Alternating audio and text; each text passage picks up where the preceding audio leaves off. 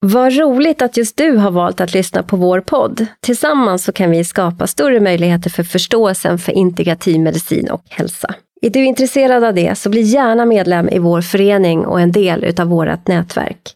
Mer information om det här kommer i slutet av avsnittet. Vi spelar in på psykoterapimottagningen Integrativ hälsa på Södermalm i Stockholm. Och vid min sida Stockholms mest kreativa kreativa och den mest produktiva produktiva och den som gör skillnad som gör skillnad. Poddens producent Fredrik Ankarsköld. Min gäst idag är Lisa Koser. Varmt välkommen. Tack.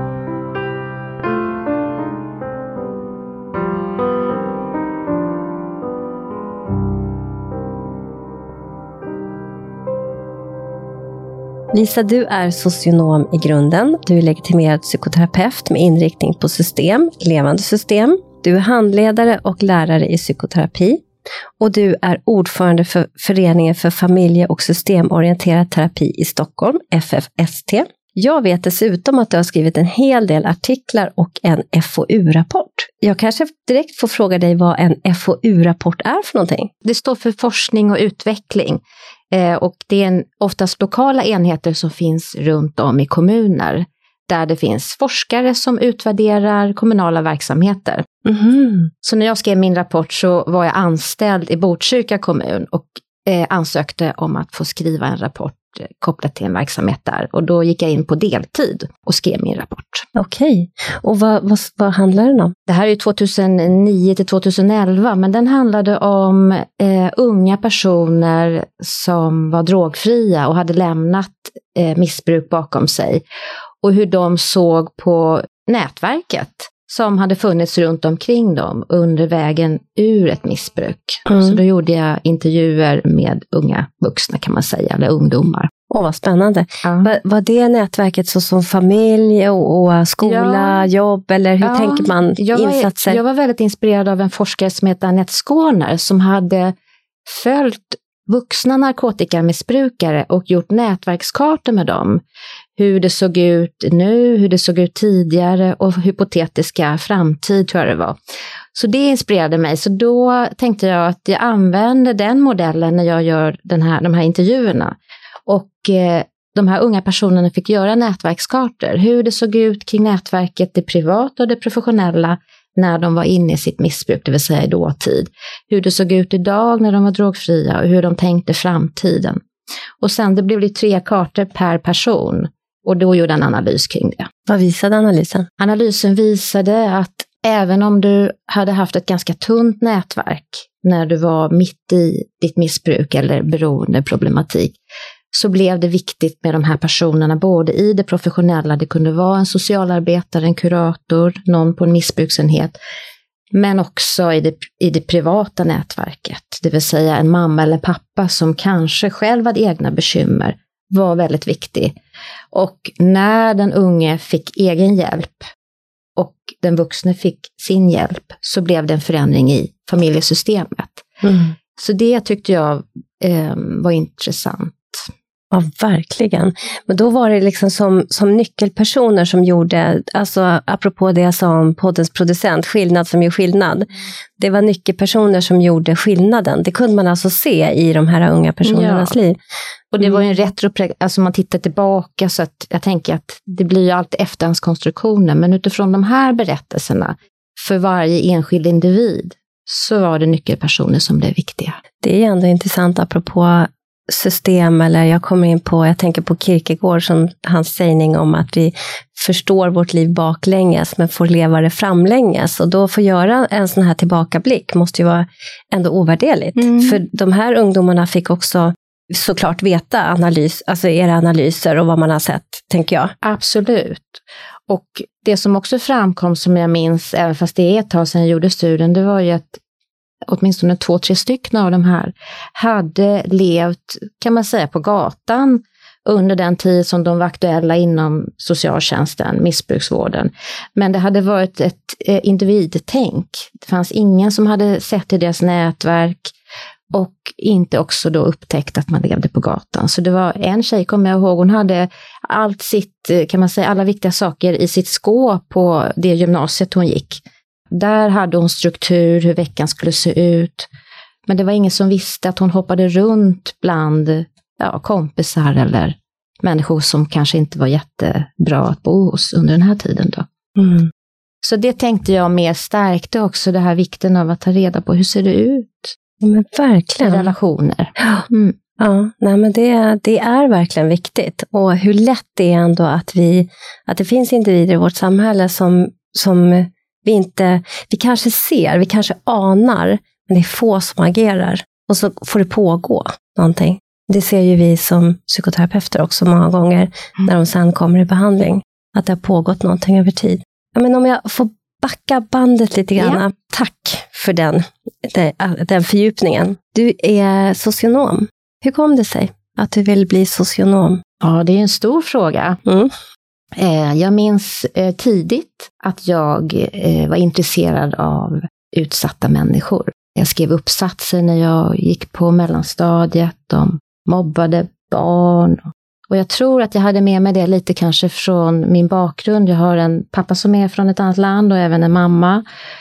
Och de hade mycket diskussioner kring utsatthet och hur det ser ut i samhället. Så att jag var ganska påverkad av det.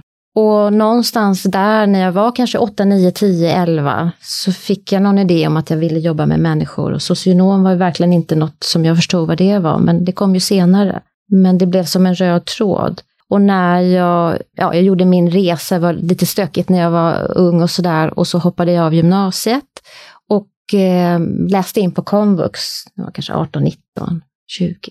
Och där någonstans så började formulera att nej men kanske socionom. Det fanns andra alternativ, men socionom lät intressant. Det var en bred utbildning, och, men jag hade ingen koll egentligen vad det betydde, men ett samhällsperspektiv, så mycket minns jag att jag var intresserad av.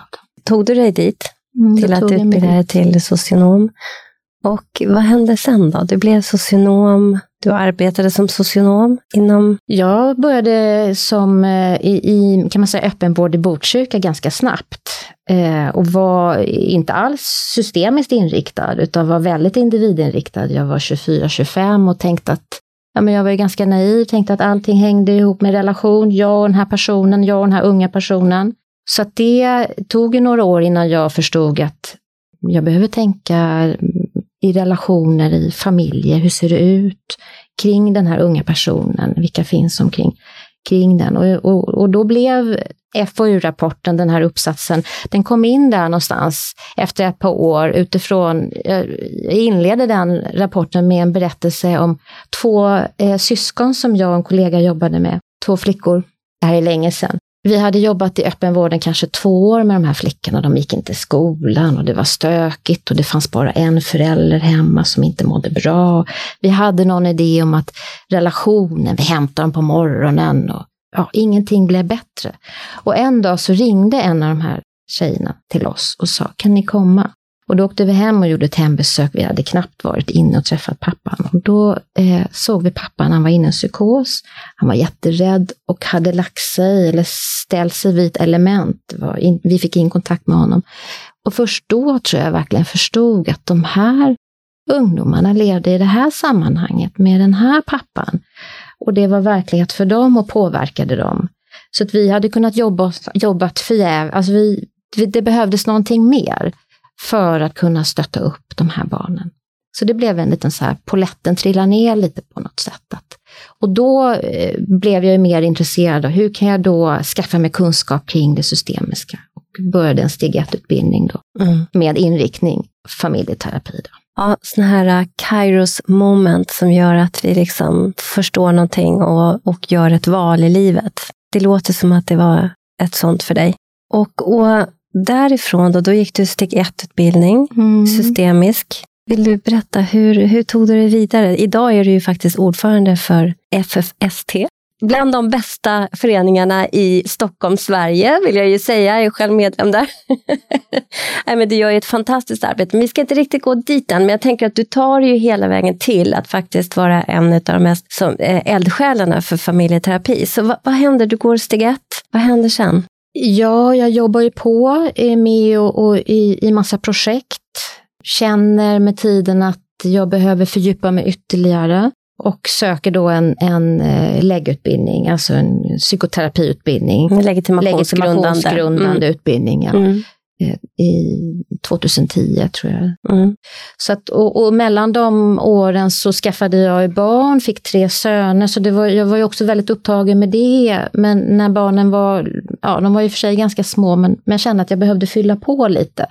Och också söka mig till ett sammanhang med andra intresserade kring det systemiska som också hade lite de ögonen. Och få läsa och förkovra mig och diskutera och vara i det här i ett par års tid. Så då hamnade jag i Linköping, pluggade där och fick en fråga någonstans där omkring, jag minns inte exakt om jag var intresserad att bli ordförande och tackade nej. Eh, jag var inte en föreningsmänniska, tyckte att det var verkligen ingenting för mig. Jag kunde inte ehm, känna att jag hade någonting att tillföra och då ehm, jobbade jag på att vara medlem i föreningen och sen blev jag klar. Och sen efter ett par år så blev jag tillfrågad igen. Ja, det kom upp frågan och då tackade jag ja. Då tackade du ja. Vad var det som ja. gjorde att du tackade ja då? Jag kände att, eh, jag tänker föreningen är ju inte, föreningen är ju vi medlemmar. Eh, och då ingår jag i en styrelse. Det var ett stort engagemang som, som var lockande och också att vi så småningom började planera för den nationella familjeterapikongressen. Vilket kändes som ett fantastiskt, väldigt spännande eh, sammanhang att vara i. Att samla människor från hela Sverige. Att hålla workshops och eh, visa vad de gör. Och det var också någonting som jag kände var en viktig sak för mig när jag klev in i familjeterapiföreningen, att vi är ju inte isolat, vi behöver ju varann. Och överallt så pågick det olika konferenser inom vårat, vårat fält, det systemiska. Varje liten inriktning hade sin konferens. Det kändes ganska tråkigt att det blir inte så systemiskt, utan vi bevakar våra egna perspektiv bara, eller modeller. Så därför blev också arbetet i styrelsen i familjeterapiföreningen jätteviktigt att tänka hur kan vi inkludera att det är verkligen både och och att vi behöver varandra. Och jag tänker inte bara inom den systemiska världen utan vi behöver binda ihop oss med olika sätt att se på världen för varje människa är ju unik.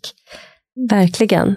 Och eh, jag tänker att flera olika systemiska, det som kommer för mig nu är Jaakko Seikola till exempel, och där han eh, i, sitt, i sin verkan eller sin undersökning, sin, sitt sätt att arbeta, tar in hela nätverket kring en person som, är, som visar, uppvisar psykotiska symptom. Och där det kommer, människor kommer från olika områden, olika perspektiv, olika roller i, i liksom nätverket och så. Att det, där, det visar ju oss verkligen på att vi behöver varandra. Hela samhället är ju ett system i en organism. Jag håller med. Och det, men eh, undrar hur det kommer sig att, för att eh, de, de flesta av mina gäster här i podden berättar just om det här att det är ju, det här är ingenting man föds med. Man måste liksom tas in i sättet att tänka. Man behöver få uppleva det som du upplevde då, till exempel med när klient, klienterna och flickornas pappa. Det var två flickor. Mm.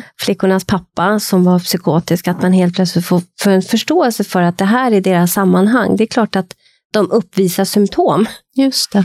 För jag har egna sådana erfarenheter också och jag har ju som sagt var hört många nu som berättar just om det här att det är ett sätt att tränas in i en förståelse. Och det är något systemiskt med det också. Just det. Såklart. Så jag blir inspirerad själv, eftersom jag är ordförande för integrativ, den här föreningen som driver podden, så blir jag inspirerad av dig där. För, jag, för jag tycker du har gjort ett sånt fantastiskt arbete just att få ihop alla de här olika öarna utav systemet. Och jag tycker ni har gjort enormt fantastiska konferenser som jag har varit på flera utav dem. Och, ja, att, att just få ihop oss, för det är det som faktiskt är min och vår, min styrelseintention att få ihop integrativa, de som jobbar integrativt. Och där är ju vi integrativa. Alltså både och istället för antingen eller heter den här podden. Och det är verkligen så. Och jag tänker att det är inte sån eh, konstig alternativ tanke egentligen, utan det är ju faktiskt så som hela samhället är uppbyggt. Vi behöver varandra. Vi behöver. Ja, så, men vi, vi behöver på något sätt ta oss tillbaka till det och det är egentligen en fråga som jag har till dig också under det här dagens avsnitt som jag tänkt ut. Det, det är just att vara familjeterapin i vårt samhälle idag har ju varit ute och nästan blivit utrotade på BUP och andra instanser. Hur ser det ut idag apropå det? Vet du? Jag kan inte svara för hela BUP men jag har ju haft kollegor i styrelsen som har varit och är verksamma i BUP, framförallt har varit då, eh, och eh, jobbar, samarbetar med BUP på olika sätt, både BUP och mellanvård. Och rent krasst kan vi väl säga att det systemiska har naturligtvis blivit en liten del av BUP. Det är mera fokus på utredning och diagnoser idag. Eh, till skillnad mot hur det såg ut en gång i tiden för länge, länge sedan innan jag blev verksam, då var ju BUP, eh, som PBU som det då hette, de ägde det systemiska och utbildade och det hände jättemycket där. Men det är väl en samhällsdiskurs eh, kring hälsa och hur man ska se på psykisk hälsa och ohälsa som också avspeglas inom eh, barn och ungdomspsykiatrin. Och jag vet att det finns många inom barn och ungdomspsykiatrin som verkligen brinner för att tänka sammanhang och och det finns naturligtvis undantag, det finns verksamheter som också gör det och försöker slåss för den här idén om att det går inte bara individinriktat, jobba bara individinriktat. Vi behöver tänka vilka finns runt omkring. Och på BUP jobbar man med föräldrar, men oftast kanske att man delar upp föräldrarna, går in i ett rum och barnet i ett annat rum. Och inte så mycket kanske familjeterapi. Men det finns undantag och det finns många som verkligen vill göra ett annat arbete. Eller jobba på ett annat sätt, tänker jag. Alltså både och. Och det är väl dit att ta oss till, för det, det, är något komplext med det. Och det avspeglar sig, jag tänker att psykiatrin avspeglar sig från somatiken, där man har sån högspecialiserad vård på de olika organen och så vidare. Och så vidare. Men det det funktionsmedicinska perspektivet till exempel som kommer allt mer gör, gör, går ifrån det. Att man istället börjar titta på systemen, tarmen som ett system med dess bakterier och, och, och så vidare. och Så vidare. Så, det, och, mm. så jag tänker att det där kommer säkert komma tillbaka. Pendeln slår lite åt olika håll. Och jag tyckte att jag liksom har på något sätt sett att det börjar komma tillbaka lite mera intresse för BUP. Att det, ja, men nu, har man, nu har man kört utredningar och diagnoser och liksom förstått saker och det har varit bra å ena sidan och å andra sidan inte alls. Och, och på något sätt gifta ihop det där med det systemiska jag mm. tycker att det finns en sån trend. Vad, vad, vad tänker jag du? Jag tycker också att det finns en sån trend. Eh, utifrån samarbetspartners och, och mellanvård har ju ändå ganska mycket systemiskt tänk så att det finns. Det kan göras mycket mer, men det är ju som du säger, kanske att det är ett paradigmskifte på gång. Långsamt, långsamt, långsamt. Därför att vi, vi inser att vi behöver tänka i flera, på flera nivåer och samarbeta. Men det finns så mycket kvar att göra. Och nu är det ju så att mycket av det familjeterapeutiska arbetet eller familjebehandlingsarbetet har hamnat inom kommunal socialtjänst. Det är där eh, familjearbetet pågår också väldigt mycket. Så att vi behöver tänka, hur kan vi hitta samarbetsformer? Och, och det finns ju sådana initiativ runt om i landet där man kan samarbeta socialtjänst och BUP nära en, ett barn eller en ungdom och en familj. Och första linjen psykiatri, alltså första linjen tar emot och tänker också att man kan jobba med familj. Så det händer väldigt mycket som du säger. Det är hoppfullt. Vad är det som eh, föreningen jobbar för just nu vad det gäller liksom det här eller annat? Vad är intentionen? Vad är arbetet? Vad är intresset? Vad drivs ni mot just nu? Vad ser ni som är mest aktuellt? Ja, det är ju flera områden. Ett område som vi ska ha en diskussion och har haft en diskussion handlar just om de nya, det här med första linjen och att, man ska, att vi tänker att hur ska vi kunna påverka att barn och ungdomar, ungdomar och dess sammanhang kanske kan lyftas ännu mer eftersom man håller på att göra ett jobb kring det. Och där kan man ju fundera, är det, ska det göras en skrivelse eller hur kan vi synas? Jag tänker det generellt, hur kan vi som har de här perspektiven synas mycket mera?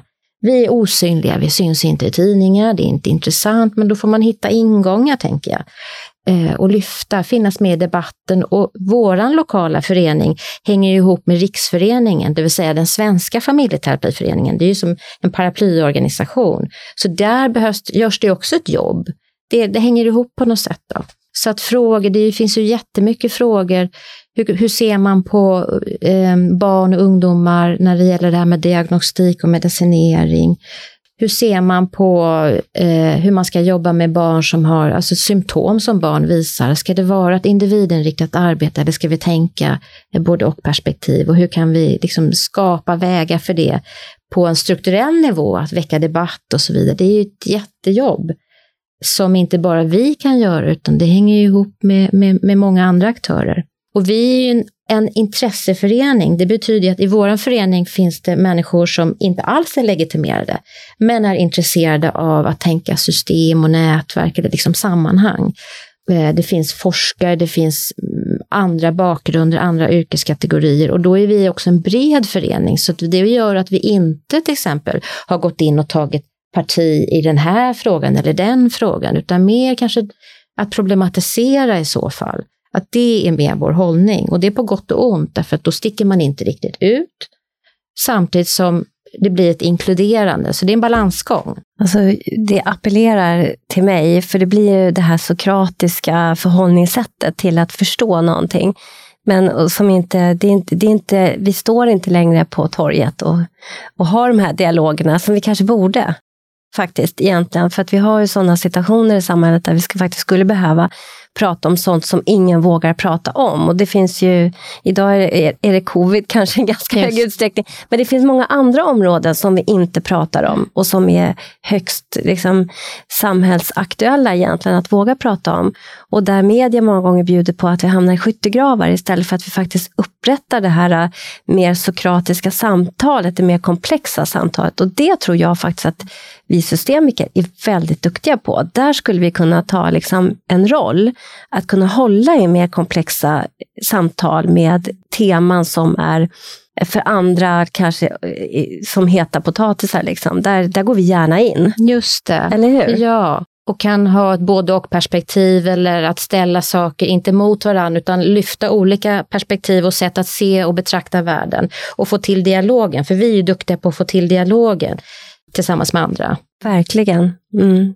Alltså det här är så spännande. Och apropå dialog och komplexitet och system så tänker jag att skulle du vilja utveckla lite grann, vad, vad gör vi, hur tänker vi systemiker i en terapisituation eller ett behandlingssituation i kontrast till KBT kanske, som är, jag tänker manualiserat, som inte alls är fel på rätt utgångsläge. Men när vi jobbar, vad, vad är liksom skillnaden till PDT, psykodynamiskt eller KBT eller systemiken? Vad gör systemiken för någonting som är utöver eller istället för eller på ett annat sätt?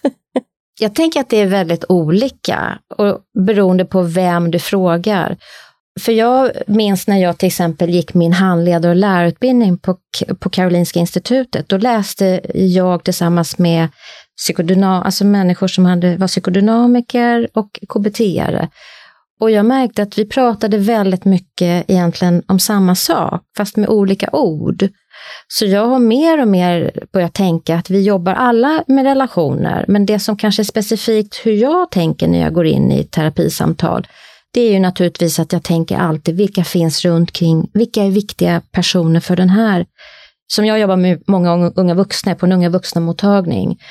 Och då är de, kommer ju de själva. Men jag tänker alltid, finns det en partner jag kan bjuda in? Eller finns det en förälder, även om den unge är 20, 21, 22, 23 år? Eh, hur, och så massa metoder hur jag kan liksom jobba med det. Men jag har ju varit både i manualbaserade familjebehandlingsmodeller, flera stycken, och till mer eh, dialogiska modeller så tillvida att det inte är manualbaserat utan mer i samtal och det som sker, ja, en förståelse utifrån här och nu.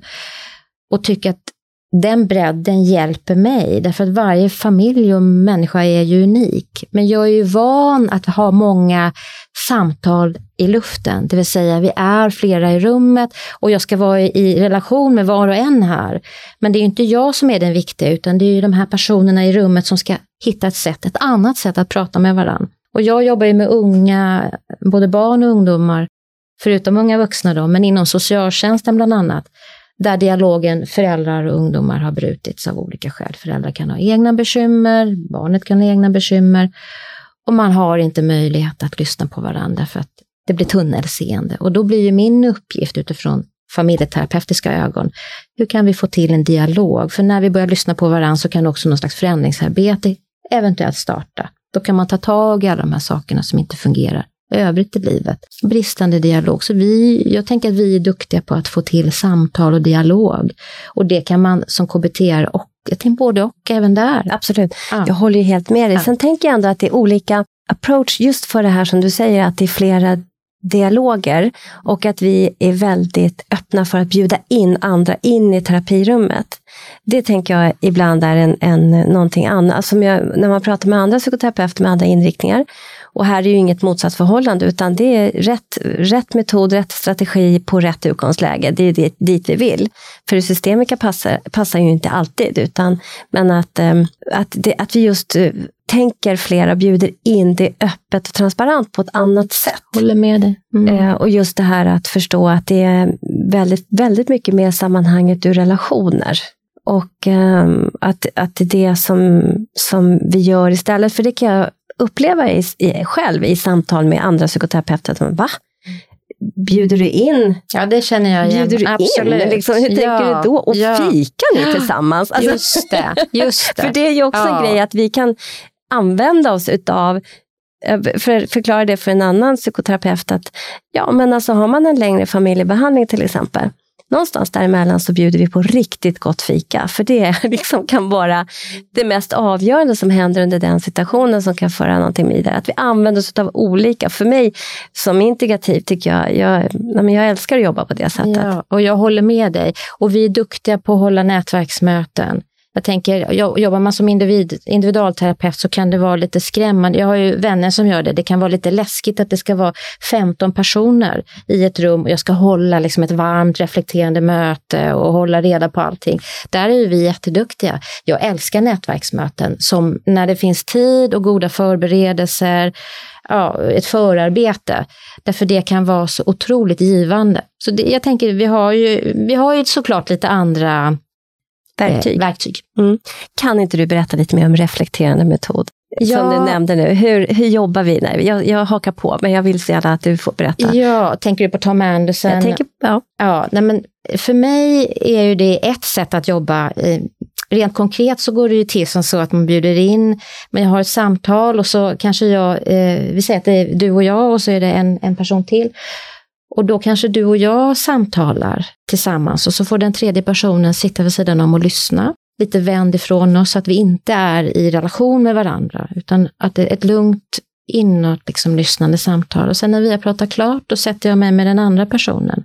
Och så får du sitta och lyssna och så pratar vi ett tag. Vad hör du? Vad blir du upptagen av? Vad blir du berörd av? Och så kan det gå ett varv. Så, så gör jag i familjeterapi väldigt mycket. Både i parterapi men också i familjeterapi med ungdomar och föräldrar. Och den, det sättet att jobba har, vi, eller har jag och mina kollegor då i, i ett familjebehandlarteam tagit in och använder utvärderingsform när vi gör något som heter samforskning. Och det har vi hållit på med i flera år. Då bjuder vi in familjer, föräldrar, barn, det kan vara socialsekreteraren, tolk, till ett samtal efter behandlingen där de blir intervjuade av en neutral person som inte känner dem. Det finns behand, före detta behandlare med. Eh, det ingår också ett reflekterande team med en till tre personer. Och så blir det ett samtal kring kontakten, hur var det här samarbetet? Vad blev viktigt? Var det någonting som du hade önskat mera? Och sen så skriver vi ut det där. Och nu har vi gjort 30, jag tror det är 36 eller 37 intervjuer. Så det är en pågående rapport och det är ju, rör sig om det är 70-tal människor. Den, den är ju alldeles för stor för att någonsin kanske ges ut. Men vi, vi är ute och pratar om det väldigt mycket och den består av liksom olika delar. Mycket handlar om bemötandet i krisen. Jag är i kris som förälder, det har hänt någonting, jag har blivit kanske anmäld, jag har slagit mitt barn. Även som barn, kanske eller ungdom, jag är utsatt utifrån att jag har en förälder som jag är jätteorolig för som är sjuk, som kanske de slåss där hemma. Och så kommer man till exempel till socialtjänsten och så ska de inleda, vi ska inleda någon slags samarbete. Vad blir då viktigt i inledningen?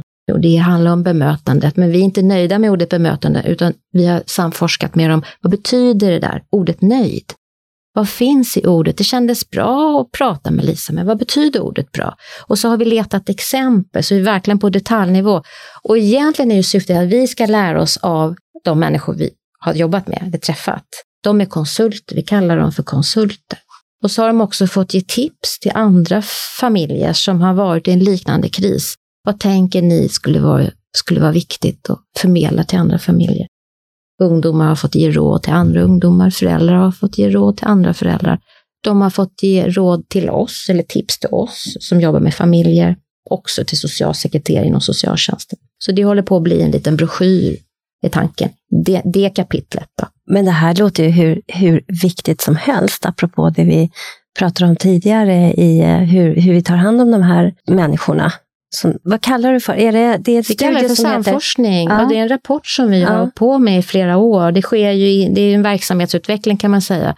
Så det är ju kvalitativa alltså intervjuer som... Verksamhetsutveckling inom vilka? I en kommun som ja, är bestämd? kommun. Nej, mm. inom, det är vår egen verksamhet. Alltså jag ingår ju i ett familjebehandlarteam mm. också. Är du fortfarande på Botkyrka? Nej, nu är jag i Bromma. Nu är du Bromma. Det börjar på B, men det är en annan, precis. Helt olika områden. Botkyrka är annars, Botkyrka kommer alltid upp överallt ah, man pratar system ah, och, och ah. familjeterapi. Men det, det liksom, har sin grund, det har hänt så mycket därifrån. Det har hänt så mycket i Botkyrka. De är verkligen, eh, alltså frontkommun verkligen.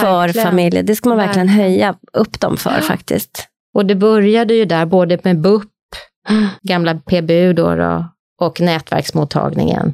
Och jag kom ju 86 till Botkyrka och var liksom i, lite mer mot slutet. De hade ju haft en stor, det var många som hade sökt sig därifrån från nätverksmottagningen.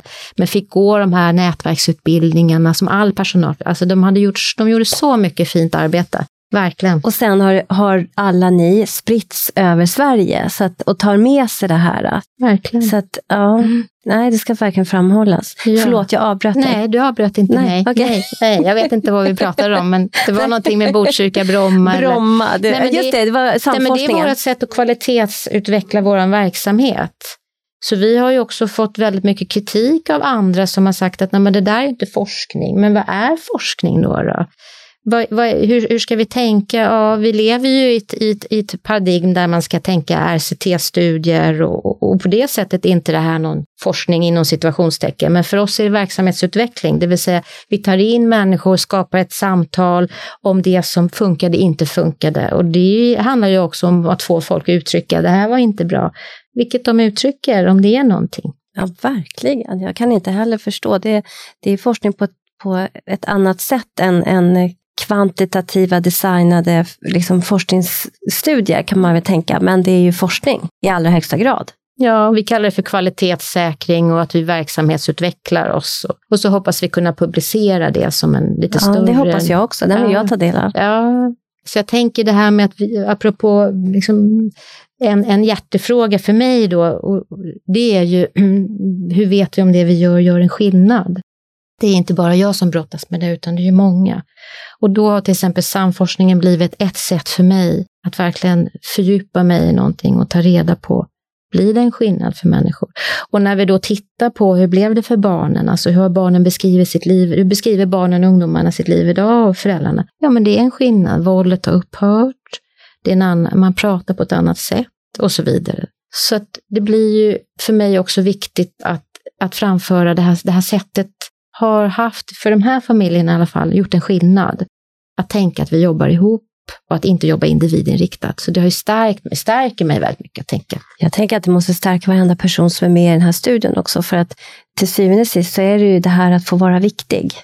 Och att någon kommer från en tid i dåtid som var svår och frågar i nutid hur det var och att man får beskriva. Dels är det en strukturering, men det är också en bearbetning. Och sen är det att man blir ihågkommen. Att på något sätt, det är väldigt vackert, eller så väldigt fint, tycker jag, väldigt humant, att göra en sån forskning eller undersökning, kvalitetsutveckling. Så jag tänker att det, det eller jag, har ni hört Människor något? går därifrån stärkta. För vi får ju också tänka att de som vi har intervjuat, många av dem har farit illa i systemet av olika skäl.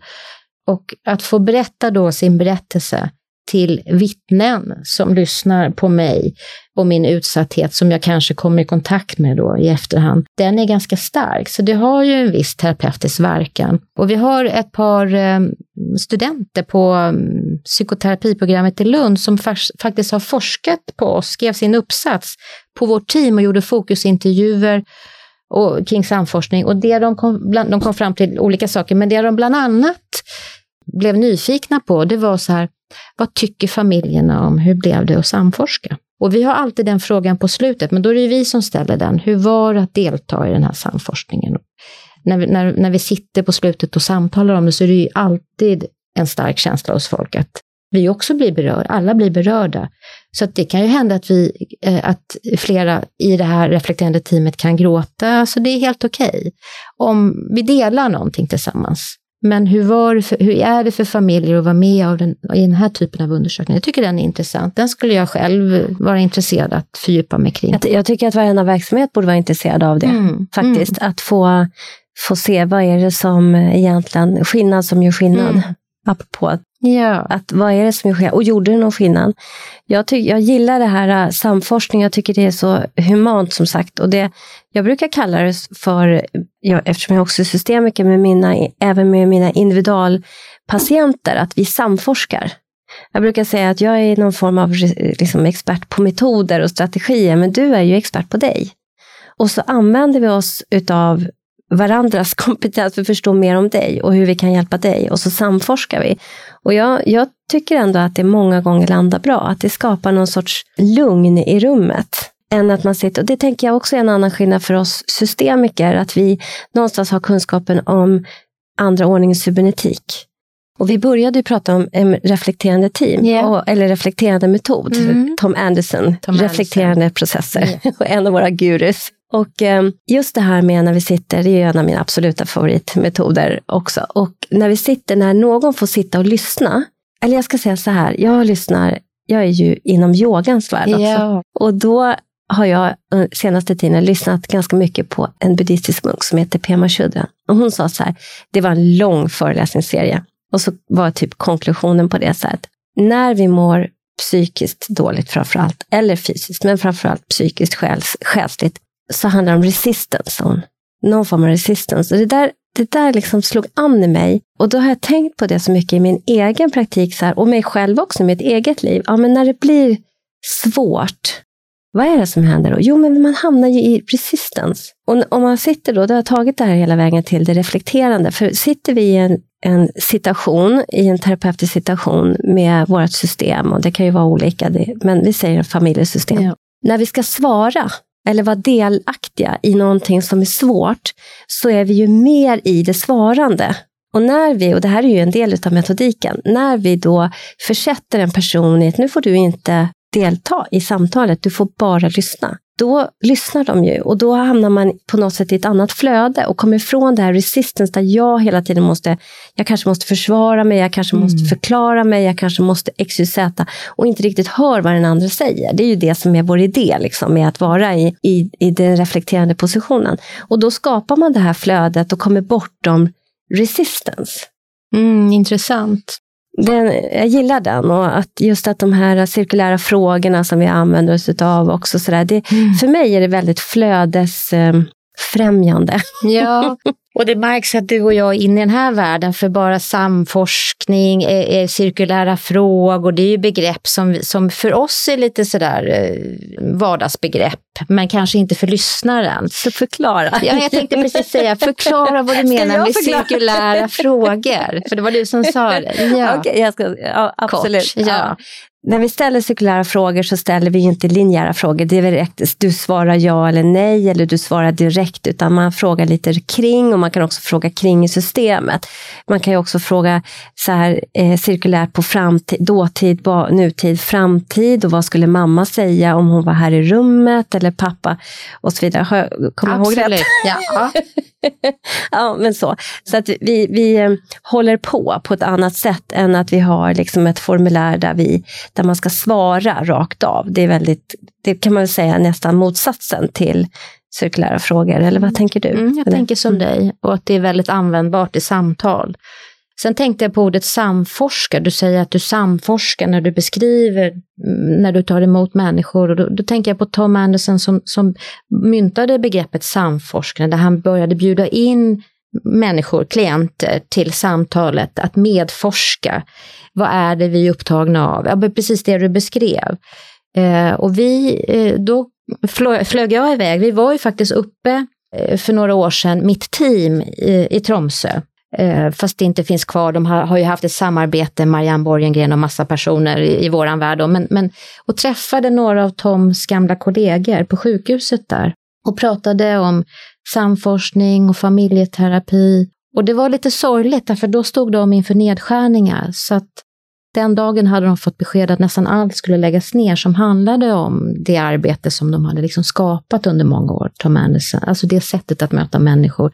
Nu vet jag inte hur det ser ut idag, men det här är kanske fyra, fem år sedan. Då. Jag bara flög iväg i tanken kring hur, hur, hur tiderna förändras och ja, att det finns något sorgligt över det också. Jag har så svårt att förstå hur det kan få försvinna.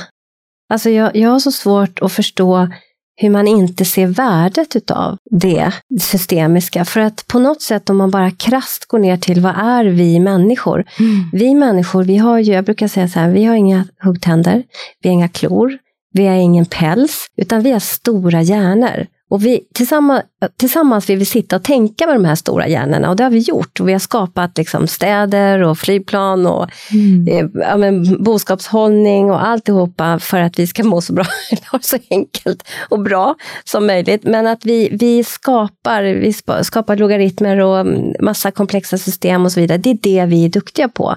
Det vill säga sitta i system. Vi är inte solitärer utan vi är ju system och vi skapar system hela tiden. Så hur kan det här få, få kliva ifrån vår förståelse för vad som är hjälpande, både psykiskt som somatiskt. För det, det går ju inte att helt isolera och, och gör vi liksom en åtgärd somatiskt, ta bort en tå liksom för att det är någonting, det kommer påverka hela vägen upp till knoppen i olika former av muskler och så vidare. Vi kliver, vi balanserar på ett annat sätt och så vidare. Men, så att jag, har, jag har så svårt för att förstå att att det kan få försvinna och att man inte ser vikten av det. Vad, vad tänker du om det? Ja, och, och, vi har ju konstaterat att det kanske inte försvinner, men det blir ju obegripligt, eller samtidigt inte om man tänker hur ser det ut på en samhällsnivå idag? Jo, det är ett individinriktat perspektiv, någonting som är i människor.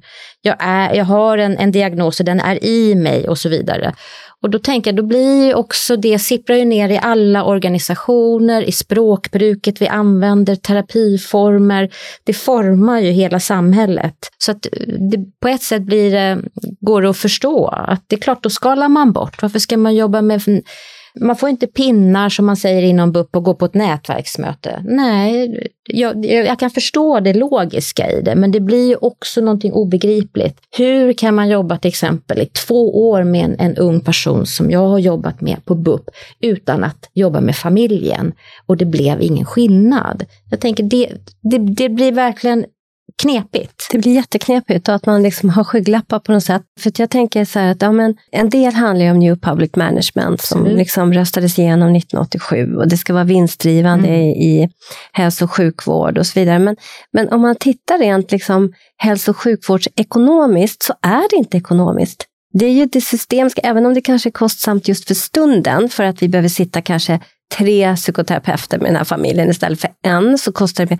Men det blir över tid så, blir, så är det ju mer samhällsekonomiskt, hälso och sjukvårdsekonomiskt. Men jag tänker att vi får kanske kasta ut det, att vi i systemet vill vara med och bidra till det. Vi får kanske göra det, precis, fundera lite. Eller fortsätta, för jag tänker vi håller på. Ja, det gör vi. Verkligen. Det pågår. Jag har ju varit ute och föreläst ganska mycket med mitt team och då ser vi överallt i lo liksom lokala verksamheter från norr till söder pågår jättemycket spännande saker. Ibland tänker jag här vi i Stockholm eller Göteborg att vi, här sker att nej, det sker så mycket spännande saker men det hörs inte, det syns inte. Så att det myllrar och folk tänker både och perspektiv väldigt mycket. Ja, det är faktiskt min erfarenhet också. Och det, det, folket tänker så. Politiker tänker kanske inte så, men folket tänker så. Beställningarna finns och det vi har ju en privat psykoterapimottagning här och, och har ju liksom, är fullbelagda allihopa där man kommer just från kanske den eh, traditionella hälso och sjukvården, traditionella psykiatrin och säga att vi vill inte ha det, vi vill ha det här. Vi ser det här. Och jag tror också att den här pandemin, om man vill fram, framhålla olika saker, är just att psykisk ohälsa har liksom ökat markant. Nu i morse såg jag på nyheterna, då pratar de om att unga, barn och ungdomar har blivit att jättemycket mer oro och psykisk ohälsa. Och mycket handlar om att vi har blivit isolerade och karantänade. Vi vet ju att det då blir familjer, går de samman, det händer mer saker i redan dysfunktionella familjer. Men det kan också utvecklas någonting i just det här när vi är rädda och vi är stressade och vi är ensamma och isolerade. Vi vill inte vara det. Vi mår inte bra av att vara det, vi människor, eftersom vi någonstans är grupp djur, mm. Mm. om man får kalla det så, så, så är vi ju det. Liksom. Mm. Så, att, och det, så att vi kanske får, kommer förstå någonting mer om att ja, det, har skillnad, det är liksom skillnad med att vi behöver varandra, vi behöver göra olika saker, vi, vi behöver kanske hitta goda tillstånd än att vara i dåliga tillstånd. Vad gör det med oss om vi är rädda och ängsliga och så vidare över tid? Det vet vi ju enligt forskning också. Det finns ju jättemycket forskning gjord på det sedan gammalt. Vad som händer med hjärnan om vi är rädda för länge och stressade. Anders Hansen pratar mycket om oss och så vidare. Så att vi förstår ju mycket om det, men också att vi behöver hålla oss i goda tillstånd med motion och bra mat. Och, Någon slags helhet. Ja, ja faktiskt. Mm. Och där verkar vi ju på mm. olika sätt, fast ändå lika. Jag satt och tänkte lite nu när du sa privat mottagning, för jag har ju dels, också min egen privata mottagning, men sen ingår ju jag i en privat verksamhet, en unga vuxna-verksamhet också. Att det blir ju också någonting orättvist. Om människor vill ha en annan form av samtal och måste söka sig privat, det vill säga de kommer till mig privat och betalar ganska mycket pengar. Den vården eller den möjligheten borde ju naturligtvis finnas inom vuxenpsykiatrin eller inom liksom det offentliga på något sätt. Och då blir det väldigt orättvist. De som Verkligen. kan betala eh, kan komma och betala då, men det är så många som inte kommer att göra det, eller har möjlighet att göra det. Det där har jag funderat väldigt mycket själv på eftersom, och så har jag tänkt så här, men vad kan jag göra då? Ska jag söka, kan man söka EU-pengar och starta en mottagning som är för alla? Eller hur ska man, jag vet inte om du har funderat på det? Jag funderar jättemycket på det. Ja. Jättemycket och gjort lite olika på olika sätt. Liksom, där jag försöker blanda upp det där. Men det, det, det, ska man driva en privat mottagning så behöver det vara inflöde av eh, liksom pengar och utflöde eftersom det är ganska stora utflöden, särskilt här i Stockholm. Men eh, jag håller med dig, det här, den vården som bedrivs på många privata, apropå att det myllrar, för det myllrar ju Många utav oss finns ju ute på privata mottagningar. För det är också så att eh, det, psykoterapeuter eh, lyser lite med sin frånvaro inom hälso och sjukvården och vi finns ju. Det står i artiklar och sådär att det finns inte, men vi finns ju. Det är bara det att eh, vår kompetens eh, värderas inte på det sättet som den borde. Och då går vi ut och jobbar på privatmottagningar och, och, och gör vårt jobb där istället. Så det myllrar där och det myllrar inom hälso och sjukvården med funktionsmedicinskt helhetsperspektiv yeah. på soma, liksom kropp och knoppsomatik och även familjeterapi, systemisk förståelse. Så mm. det finns ju, det är ju väldigt hoppfullt på det sättet. Ja, men det är, väldigt... det är ju någonstans så här, men för 10, 15, 20 år sedan så hörde man så här, ja, men om 10 år så kommer det se ut som det gör i USA. Alla har sin egen privata, alla går till privata. Alla, ja, vi är ju där nu. Mm. Man, man för de få, som har råd. För de som har råd. Mm. Och så, mm. var det ju, så är det ju där också. Absolut. För de som har råd så mm. finns det topp eh, vad heter vård inom hälso och sjukvård. Mm. Alla dess olika mm. genrer att få. Och Men där, det är de som har råd. Där vaknar mitt socialarbetarhjärta. För jag är ju läggad terapeut. Jag, jag tar emot privat. Jag är på en privat mottagning och har min egen mottagning dessutom. Men där kommer det där med rättvisa och orättvisor fram, så att jag brottas hela tiden med det där och, och funderar. Och för mig blir det liksom en viktig fråga. Eh, hur kan man, och det är inte bara jag som tänker, det är många som tänker och, och, det finns ju goda exempel utomlands där man erbjuder psykoterapi och familjer och människor kan välja psykoterapiinriktning till en billig kostnad. Och vi är inte riktigt där än, men det är ju många krafter som vill gå åt det hållet. Alla ska ha tillgång till en, en, en möjlighet att få prata om det som jag är berörd av utan att få en diagnos eller hamna i en kategori. Verkligen. Jag har försökt få till det med eh, avtal med olika vårdcentraler och sånt där för att få, men det blir alltid nej. Och det är patienter också som säger så här, kan man få remiss till dig? Ja, egentligen så kan du ju det. Patientlagen säger att du skulle kunna få det. Det finns ingenting som hindrar, jag är legitimerad det är liksom, och så vidare. Men det blir nej. Och det handlar ju om vår Stockholmsmodell som är unik för hela Sverige. Vi har ju en helt annan hälso och sjukvårdsmodell eh, än vad resten har. Och då sitter vårdcentraler och annat, jag har ju varit i samtal med verksamhetschefer på vårdcentraler och de säger så här, vi har inga pengar förrän patienten kommer. För vi får inga pengar förrän patienten kommer. Och så vi har inga pengar att ge vidare. Så det är ju liksom, vi på något sätt kidnappade i systemet. Så det, jag tänker att jag tror inte att jag har, inte på den nivån av oss som arbetar på golvet om man säger så, någon som är emot något. Alla vill att det ska bli någonting bättre. Alla ser någonting. Sen kanske vi har lite olika, apropå att man behöver liksom ha erfarenheter av att ta sig vidare till just det man har en förståelse för. Men att man vill det. Men det, det är politikerna. Mm. Jo, det finns en hel del att göra. Absolut. Som, som, som har egna idéer. Nu, nu är jag tillbaka lite där vi var i början, för då sitter jag och tänker på, jag har ju, det har ju du också, vi har ju mött så många. Jag räknade ut att eh, unga vuxna, jag kanske har tagit emot nästan hundra unga vuxna de senaste åren. Och sen alla barn och ungdomar som jag har mött när jag varit till exempel i familjebehandlarteam, det, det rör sig också om hundratals. Och någonting som de unga vuxna ofta återkommer till, det är att det har varit så svårt i skolan av olika skäl. Och då tänker jag att där har man jobbat också lite individinriktat tidigare och inte sett vikten av, nu gör man ju det, man, man samverkar mycket tycker jag, men det finns så mycket man kan göra. Apropå det systemiska och vad vi kan, vad vår kompetens kan finnas. Vi är ju i lite olika områden. Det kan ju vara en del är ju inom BUP eller vuxenpsykiatrin, en del är privata. Men det finns mycket vi kan göra för att förbättra villkoren för barn och, ungdomar. Ja, det här, är så, det här är också en av mina hjärtefrågor. För jag har också tänkt, jag har ju barn som fortfarande är, en, en som är i gymnasiet nu, mm. två i grundskolan. Och, det, och skolan, där skulle vi systemiker kunna göra en jätte jättestor skillnad. Och jag tycker att med de lärare som jag har varit i kontakt med via mina barn, jag har ju också varit det som psykoterapeut för barn som, som jag har haft i behandling. Men det finns ju ett intresse, man försöker och man vill, men just som, jag vet, ehm, ett av eh, mina barns skola, de, de har faktiskt tagit in en eh, systemiker som de har som, som eh, ja, jag vet inte vilken roll det är i alla fall, men de är intresserade av det systemiska, men det är de från början i den skolan. Så att, eh, men där skulle man kunna göra det. Det finns så mycket att förstå kring eh, ett systemiskt tänk. Och jag tänker på det här du började med också, eh, när vi började vårt samtal prata om mobbning. För mobbning, där har vi systemiker mycket att komma med, att försöka förstå det på ett helt annat sätt än vad man kanske gör idag. För jag kan tycka att det är många som kommer som pratar, och jag har ganska många tonåringar i behandling, att, att de berättar om just den här mobbningen och så är det den som är mobbad som blir, ska bli förflyttad och så hit och dit och man gör liksom ganska Ja, men inte alltid. Man skulle kunna tänka lite mer i alla fall kring en sån situation och vad det är som uppstår och hur det ser ut. Och framförallt hur de barnen som är utsatta, vad är de i för sammanhang? Och de som utsätter, vad är de för sammanhang? Och gruppen bakom. Vad är de i för sammanhang och vilka samtal pågår? Samtal om samtalen som, och så vidare. Mm. Där man skulle kunna göra, liksom, och framförallt det här reflekterande och förstå Just någonting det. kring. Och apropå det reflekterande, ungdomar som har deltagit i den här samforskningsstudien har lyft fram det, den modellen, metoden som väl för dem, just dem, det är ju inte generellt, som verkningsfullt. Därför då fick jag göra min röst hörd. För en gångs skull så lyssnade någon annan på mig, mina föräldrar då blir det ju oftast. Och då blev det en skillnad i mitt liv. Så jag tänker den är kraftfull, apropå Den är så kraftfull.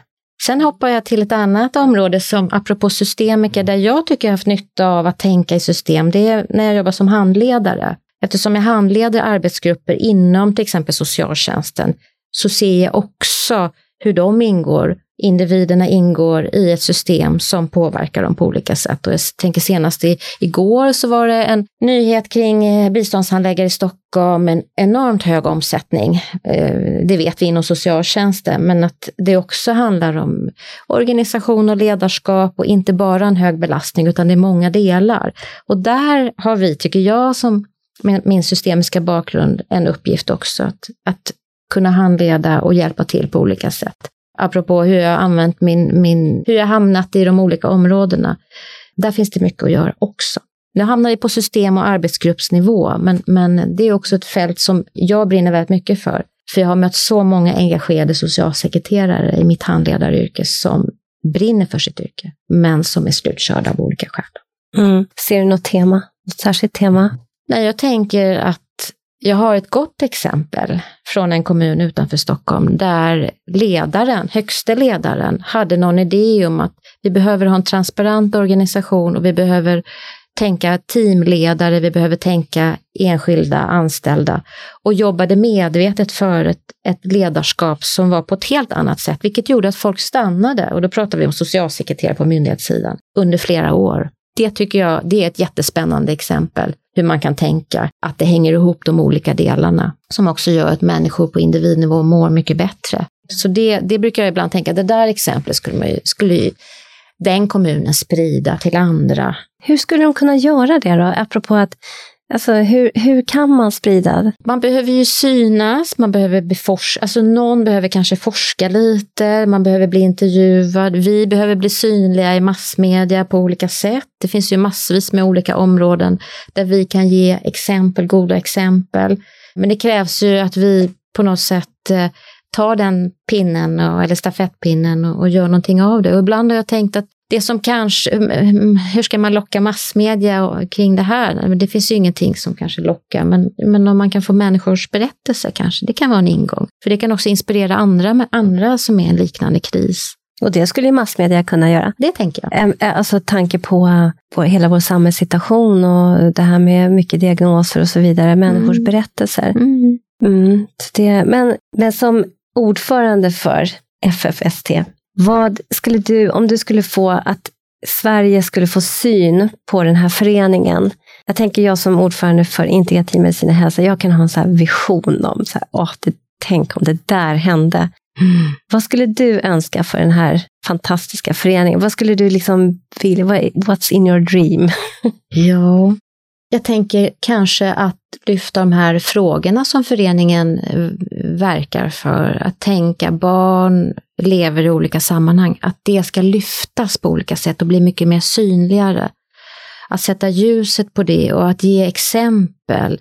Men det räcker inte med att vår förening gör det, utan det behöver ju, vi behöver göra det allihopa. Men om man tänker det vi gör, och, och, ett sätt det är ju att vi tänker, ska vi ha en konferens till? Orkar vi det? Behövs det? Ja, vi liksom funderar lite så. Och kan man då ha någon slags inriktning som gör att det uppmärksammas? Men jag skulle vilja att sättet att tänka kring barns bekymmer, att se det i sitt sammanhang och tänka nätverk, att den luppen, alltså att vi sätter luppen på det, att ljuset på det det skulle ju vara faktiskt egentligen väldigt samhällsaktuellt utifrån den här pandemin att familjeterapiföreningen får komma och sitta i tv-soffan och prata om den kunskap som faktiskt mynnar tillbaka sen, ja men vi har nämnt Tom Andersen och bak, eh, eh bakåt, Milanogruppen. All, det finns så mycket kunskap som faktiskt är så hög, liksom högaktuellt idag i det som pågår. Så det tycker jag verkligen att, mm. att eh, våran massmedia, våran public service skulle bjuda in familjeterapiföreningen. Vad tänker ni behöver göras nu för samhällets utveckling efter den här pandemin? Vad kan vi ge för insatser? Vad, finns det, vad, vad behövs göras liksom,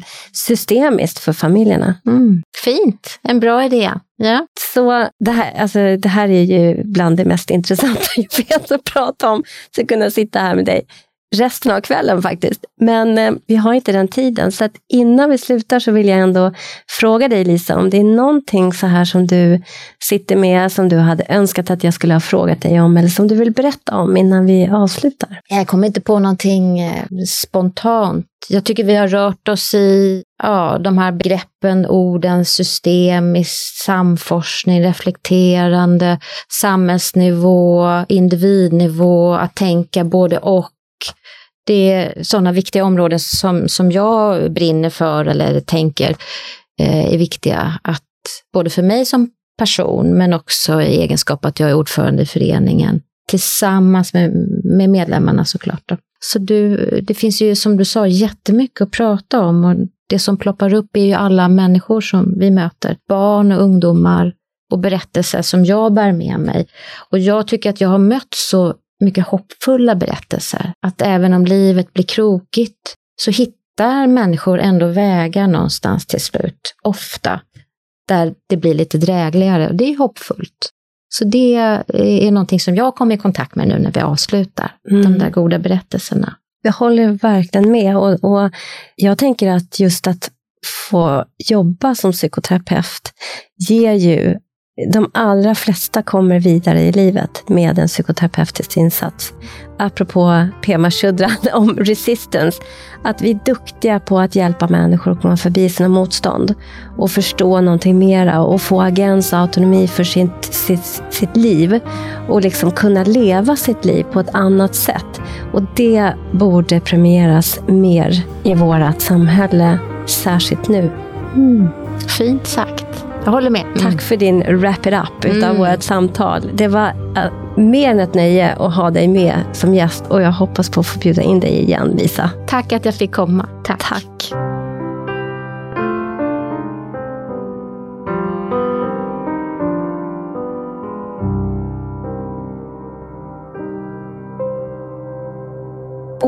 Och istället för antingen eller, en podd om integrativ medicin och hälsa är skapad och drivs av Svensk förening för integrativ medicin och hälsa, FIM. FIM är ursprungligen en yrkesförening för legitimerad vårdpersonal. Vi representerar sjuksköterskor, dietister, fysioterapeuter, läkare, psykoterapeuter, psykologer, tandläkare för att nämna några. Idag omfattas våra medlemmar även av associerade medlemmar som inte behöver vara legitimerade. Föreningens arbete vilar mot den vetenskapliga grund för integrativ medicin och hälsa som finns, såväl svensk som internationell och på systemisk förståelse av människan i sin miljö. Vår förenings arbetssätt har hittills varit att arrangera konferenser, seminarier och folkbilda genom att sprida information, exempelvis via sociala medier. Vår strävan inom integrativ medicin är att vara en organisation som vågar lyfta och ifrågasätta, motverka polariseringar genom tvärvetenskapliga dialoger och sokratiska samtalsregler. Vi vill kartlägga forskning som bedrivs, även internationellt, och hålla koll på aktuella forskningsresultat om behandlingsmetoder, både vad det gäller den etablerade vården liksom den vård som bedrivs utanför den etablerade vården. Sokratiska samtalsregler innefattas i den sokratiska samtalsformen som egentligen all grundläggande kunskap är sprungen ur, men som ibland till och med lyser med sin frånvaro i dagens public service. Så bli gärna medlem hos oss, för tillsammans kan vi förändra. Och hur du blir medlem hittar du via vår hemsida integrativ-medicin.se. Vi ses och hörs i nästa avsnitt.